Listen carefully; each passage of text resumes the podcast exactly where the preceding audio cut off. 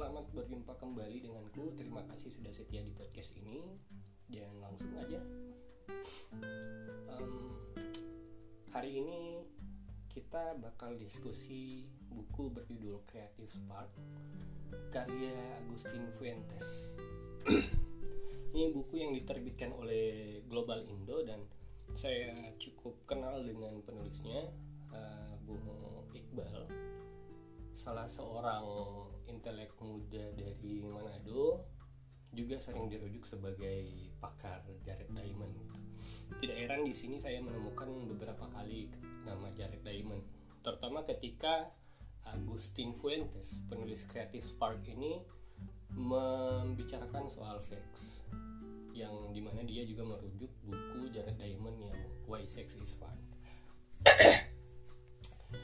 Buku ini berangkat dari satu gagasan sederhana bahwa evolusi manusia, evolusi kita dari nenek moyang kita sampai hari ini dari zero ke hero itu tidak bisa dilepaskan dari uh, mulai kuatnya kreativitas manusia melampaui keterbatasan-keterbatasan yang ada di masa lalu. evolusi sendiri kita tahu adalah uh, teori yang dipopulerkan oleh Darwin yang beranggapan kalau semua spesies itu berasal dari nenek moyang yang sama. Yang kalau kita runut runut terus menerus nenek moyang kita itu sebenarnya adalah semacam bak bakteri ya gitu ya. Jadi nenek moyang kita ini sebenarnya adalah sel yang sangat kecil yang disebut eukariota kalau tidak salah. Gagasan Darwin soal evolusi itu banyak diserang. Salah satu serangannya adalah kalau nenek moyang manusia adalah monyet kenapa monyet yang hari ini di kebun binatang itu belum menjadi manusia ini kritik yang keliru ya karena Darwin itu nggak bilang bahwa nenek moyang kita adalah monyet. Yang Darwin bilang monyet dan manusia itu punya nenek moyang yang sama. Lalu ada juga kritik misalnya kritik dari Harun Yahya misalnya. Dia bilang kalau kalau misalnya dibilang begitu ya bahwa dalam uh, istilahnya pohon kehidupan silsilah dari seluruh spesies oleh Darwin disebut dengan pohon kehidupan. Kata Harun Yahya terdapat missing link, artinya ada keterputusan silsilah dari nenek moyang kita sampai ke manusia. Ini juga pseudoscience karena uh, manusia atau peneliti kita itu sudah menemukan uh, nenek moyang bersama yang kemudian bakal mewariskan gen bakal uh, menjadi sumber dari genetika simpanse, bonobo dan manusia dan Homo neanderthalensis dan lain sebagainya.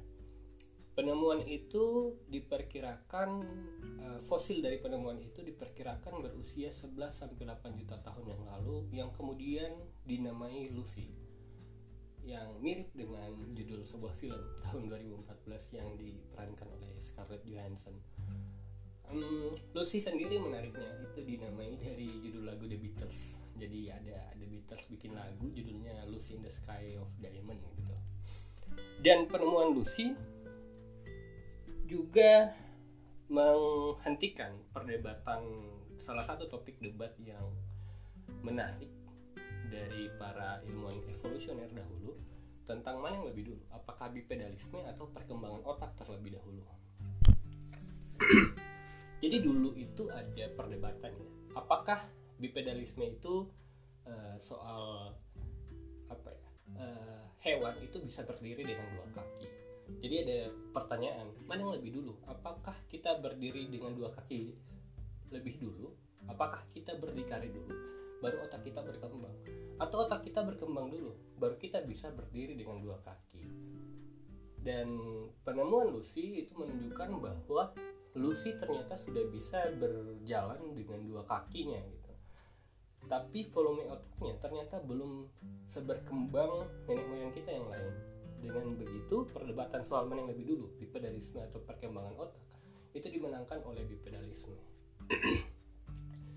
Kita kemudian pergi ke pertanyaan selanjutnya. Lantas kapan otak manusia itu mulai berkembang? Otak nenek moyang kita itu mulai berkembang. Dan di sini ada teori yang menarik ya yang baru saya temui secara jelas di buku ini bahwa otak nenek moyang kita berkembang dimulai ketika nenek moyang kita mulai menggunakan batu-batuan sebagai senjata. jadi batu-batu zaman dulu itu diasah dan digunakan sebagai senjata.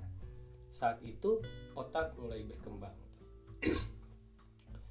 Uh, perkembangan otak ini dibuktikan dengan ada penelitian apa gitu ya namanya tapi orang ketika dia menciptakan peralatan dari batu ada bagian di otaknya yang disebut dengan supramarginal gyrus di parietal eh, lobus parietal itu mulai berkembang.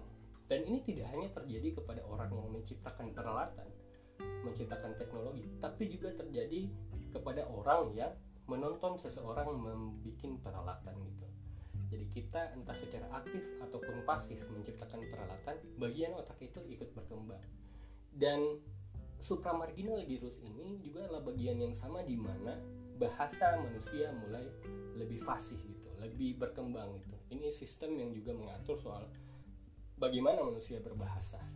Dengan kata lain, ketika nenek moyang kita mulai menciptakan peralatan kapak misalnya dari batu, saat itu bagian otak yang mengatur tentang bahasa juga ikut berkembang.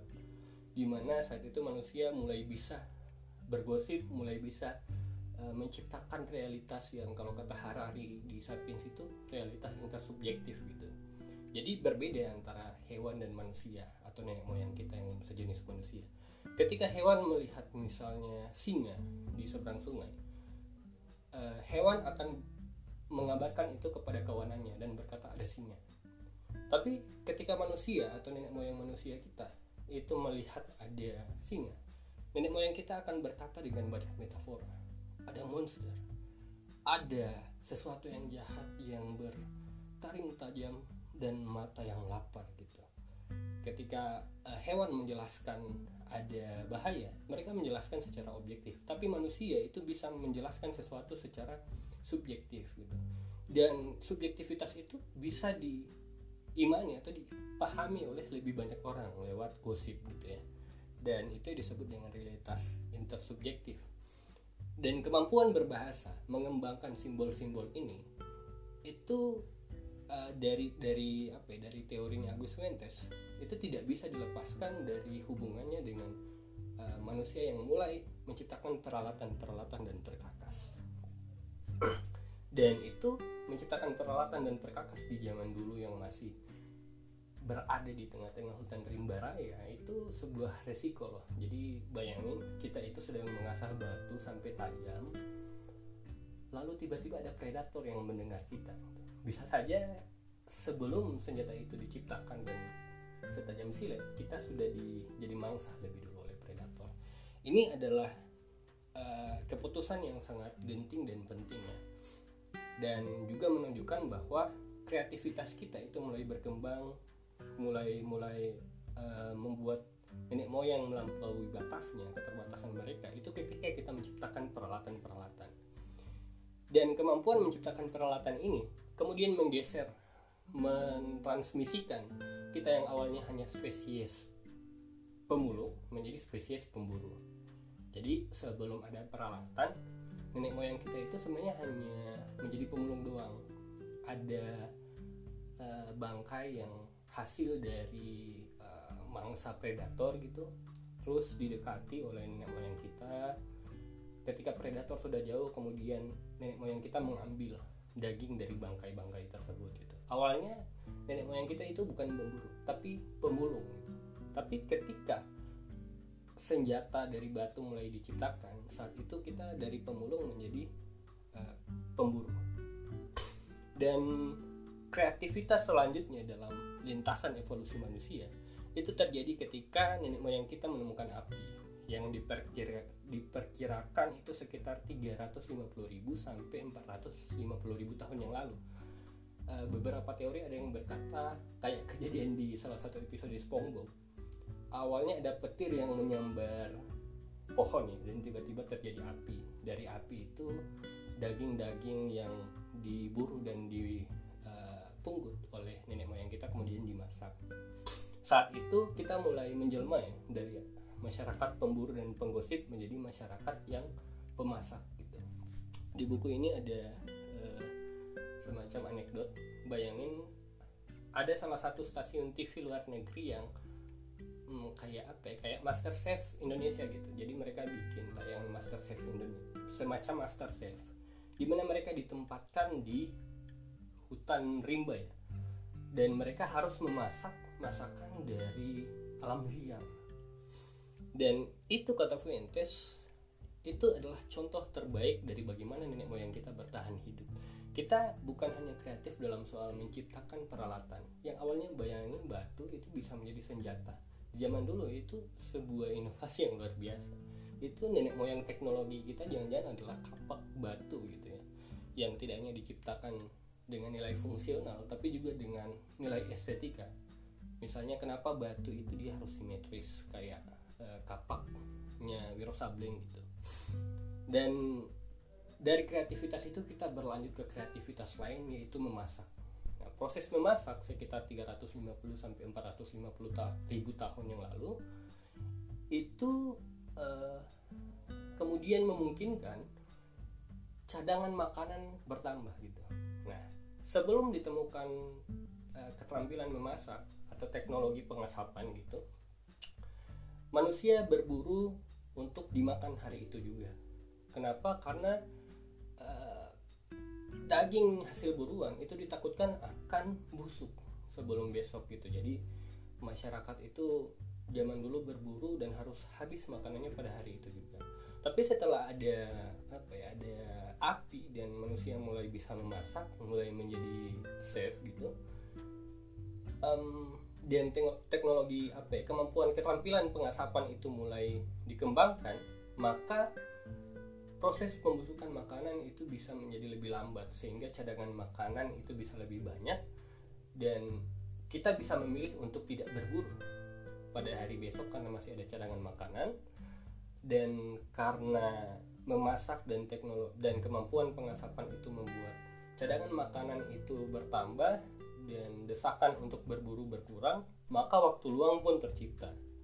Nah, di waktu luang ini, menurut eh, leluconnya Ryu Hasan, saat itulah orang mulai bergosip, mulai aktif bergosip, menciptakan aturan-aturan, menciptakan aturan tentang suku, dan saat itu pula nenek moyang kita mulai menciptakan agama, kata Ryu Hasan. nah itu uh, satu poin penting ya. Jadi dari kreativitas menciptakan peralatan menjadi kreativitas berburu bahkan dalam berburu itu bahasa itu juga dibutuhkan untuk apa? Untuk koordinasi dalam perburuan. Misalnya hei kamu ke kiri ya nanti kamu ke kanan aku akan mengejar dia dari depan misalnya.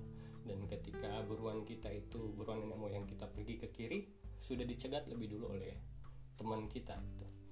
jadi uh, proses penciptaan penciptaan peralatan yang mengembangkan bagian otak yang juga mengatur e, bagian kemampuan manusia berbahasa itu sangat bersifat apa simbiosis mutualisme lah gitu kreativitas selanjutnya adalah memasak dan kreativitas selanjutnya adalah e, bergosip di waktu luang yang kemudian meningkatkan ya kemampuan bergosip itu e, meningkatkan potensi kerjasama antar nenek moyang kita.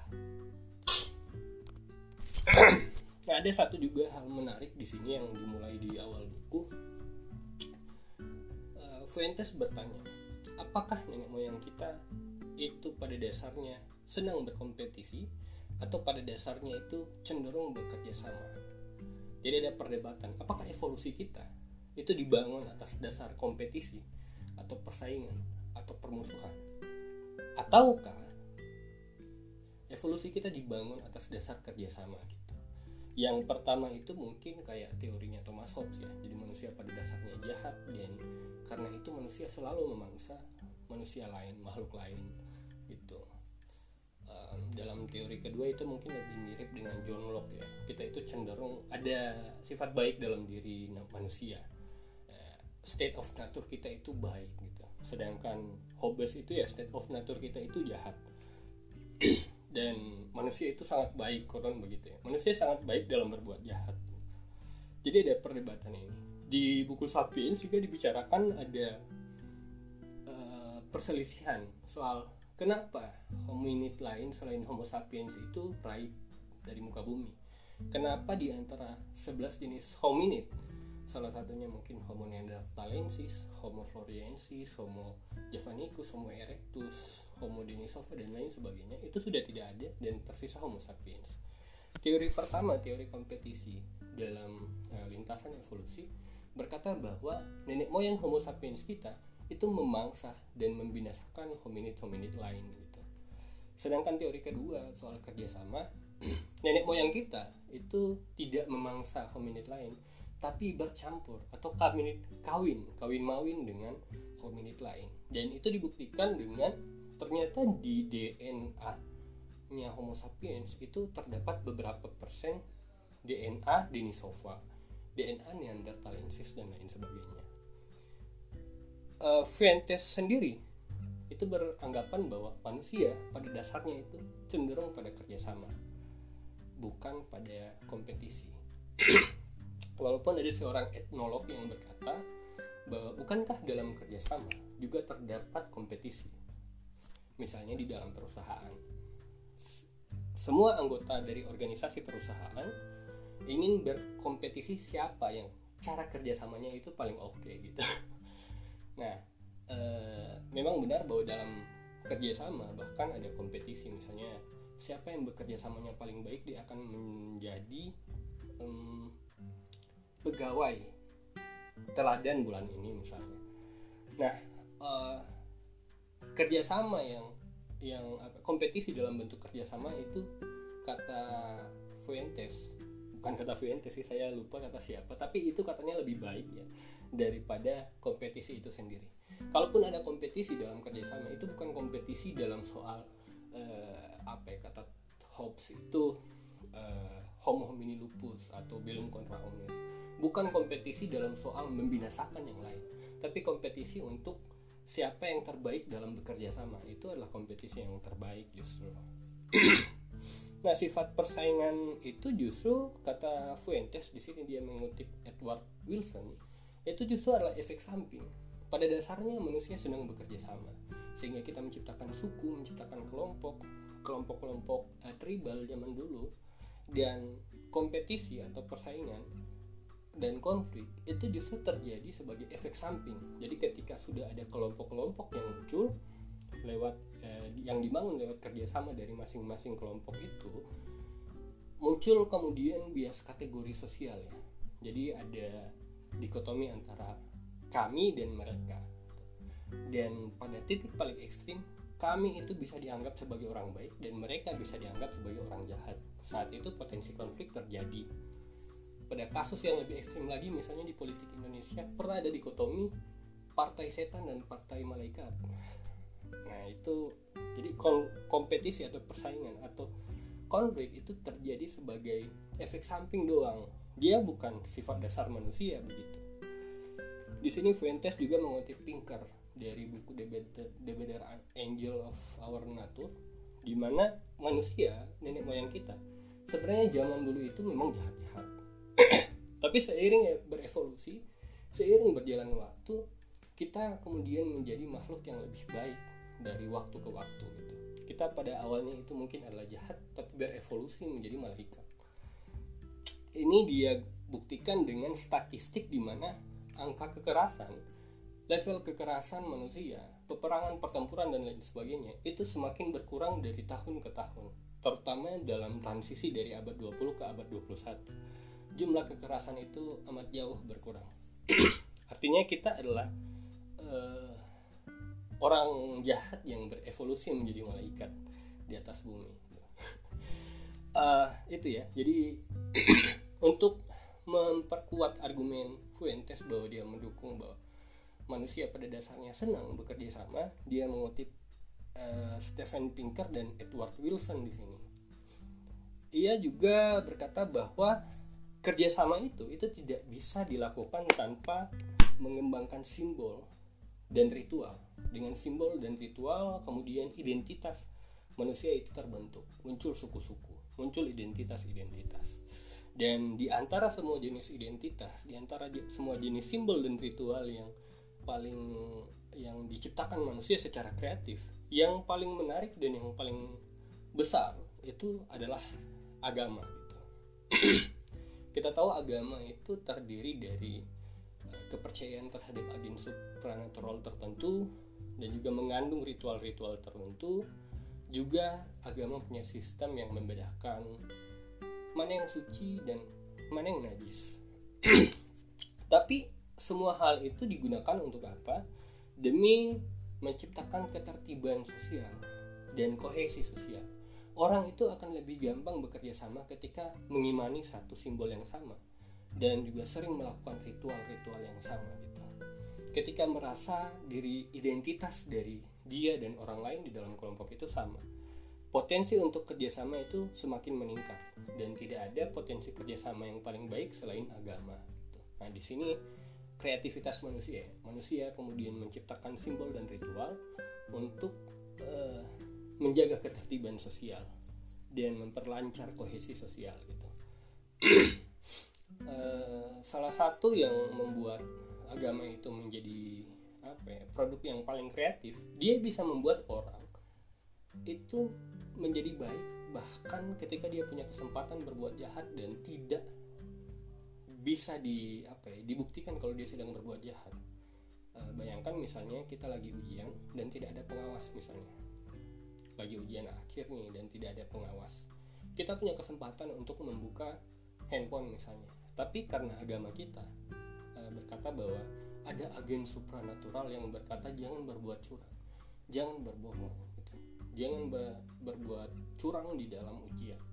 Walaupun tidak ada yang mengawasi kita tapi karena kita percaya pada agama kita maka kita juga tidak menyontek gitu.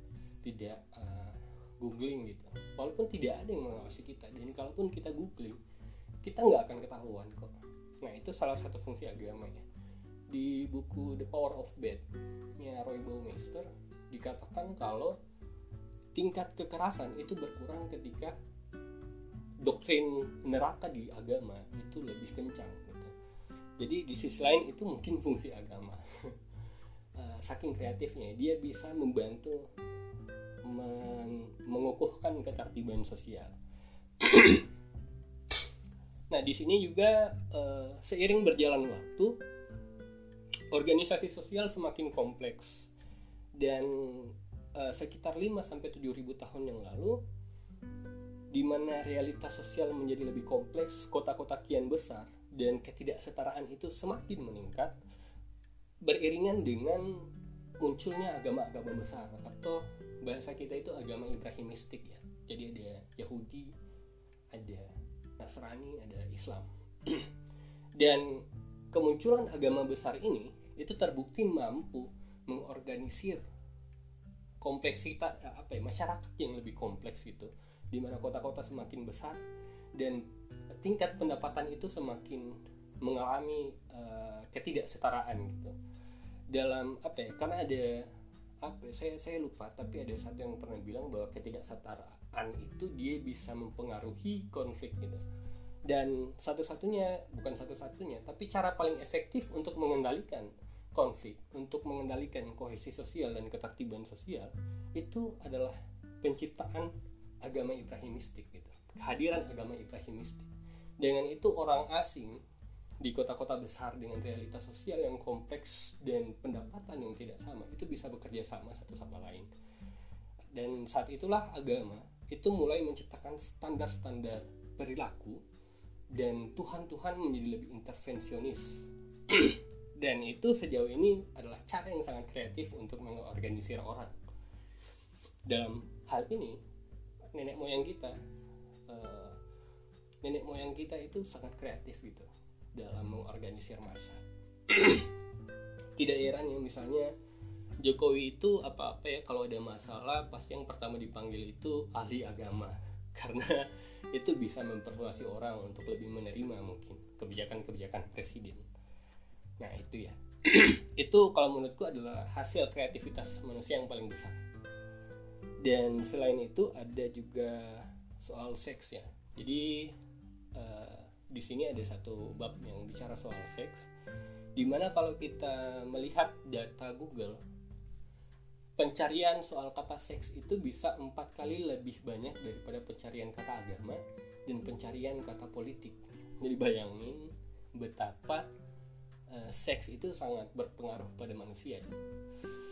Um, dan seks dalam kehidupan manusia itu sangat sangat bervarian ya. Dalam artian begini kalau hewan lain itu melakukan hubungan seksual itu hanya di, itu hanya ditujukan untuk reproduksi doang. Jadi untuk bermamah biak melahirkan anak dan lain sebagainya. Tapi hanya manusia yang menggunakan seks itu sebagai uh, kenikmatan dengan berbagai varian. Uh, konon katanya misalnya di situs-situs uh, pornografi itu ada teramat banyak genre-genre seksualitas ya yang bisa kita akses gitu. Uh, ada namanya fetish ada namanya apa lagi BDSM ada namanya voyeurisme dan lain sebagainya. Um, itu membuktikan bahwa manusia itu sangat kreatif bahkan dalam soal yang sangat dekat dengan reproduksi itu sendiri gitu manusia bukan hanya kreatif dalam soal seksual tapi dalam soal juga uh, melakukan kekerasan terhadap manusia lain dan lain sebagainya nah salah satu kreativitas manusia yang berhasil direkam oleh Agus Fuentes itu adalah soal seks dan cinta atau cinta dan pernikahan gitu. Jadi kita tahu bahwa zaman dulu cinta dan institusi pernikahan itu dua hal yang berbeda. Tidak seperti lagu Frank Sinatra ya yang berkata bahwa cinta dan pernikahan itu kayak kuda dan kereta kuda. Sebelum abad 15, cinta dan pernikahan itu ternyata dua hal yang terpisah. Jadi orang boleh menikah tanpa cinta dan orang boleh mencintai tanpa menikah tapi seiring terorganisirnya, semakin terorganisir agama, terutama pada abad 16, gereja Katolik Roma itu mulai meregulasi pernikahan, menginterupsi wilayah privat manusia yaitu pernikahan dan cinta. Dan pernikahan tidak boleh dijalani tanpa ikatan cinta sama sekali. Uh, saat itu kemudian pernikahan dan cinta itu semakin menyatu ya, dan uh, semakin di diamplifikasi ya penyatuannya itu misalnya lewat sastra-sastra yang tragis kayak Romeo Juliet dan lain sebagainya di Indonesia sendiri efek sampingnya adalah misalnya KUA dan undang-undang pernikahan di mana di situ salah satu pasal itu pernikahan adalah hubungan cinta dan bla bla bla gitu.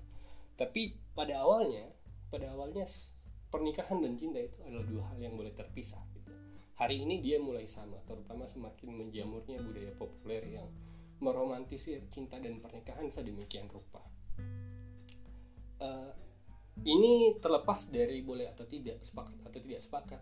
Ini adalah bukti bahwa umat manusia itu kreatif sekali gitu.